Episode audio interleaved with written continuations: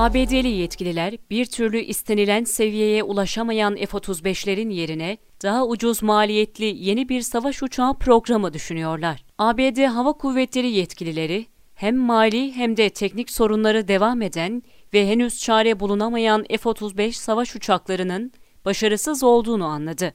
ABD'nin ünlü ekonomi dergisi Forbes'ta yayınlanan bir içerikte, ABD Hava Kuvvetleri üst düzey yetkililerinin F-35 programının başarısız olduğunu kabul ettikleri ve bu 5. nesil savaş uçaklarının yerine daha uygun maliyetli yeni bir savaş uçağı programı başlatılmasını düşündükleri ifade edildi. F-35 programının başlangıcından bu yana bir türlü çözüm bulunamayan teknik ve mali sorunlar hava kuvvetleri yetkililerini başka arayışlara yönelmeye mecbur kıldı. ABD Hava Kuvvetleri Genelkurmay Başkanı Charles Brown, geçtiğimiz çarşamba gazetecilere verdiği demeçte F-35'lere bir alternatif olarak daha ucuz maliyetli yeni bir savaş uçağı programı başlatılacağını açıkladı.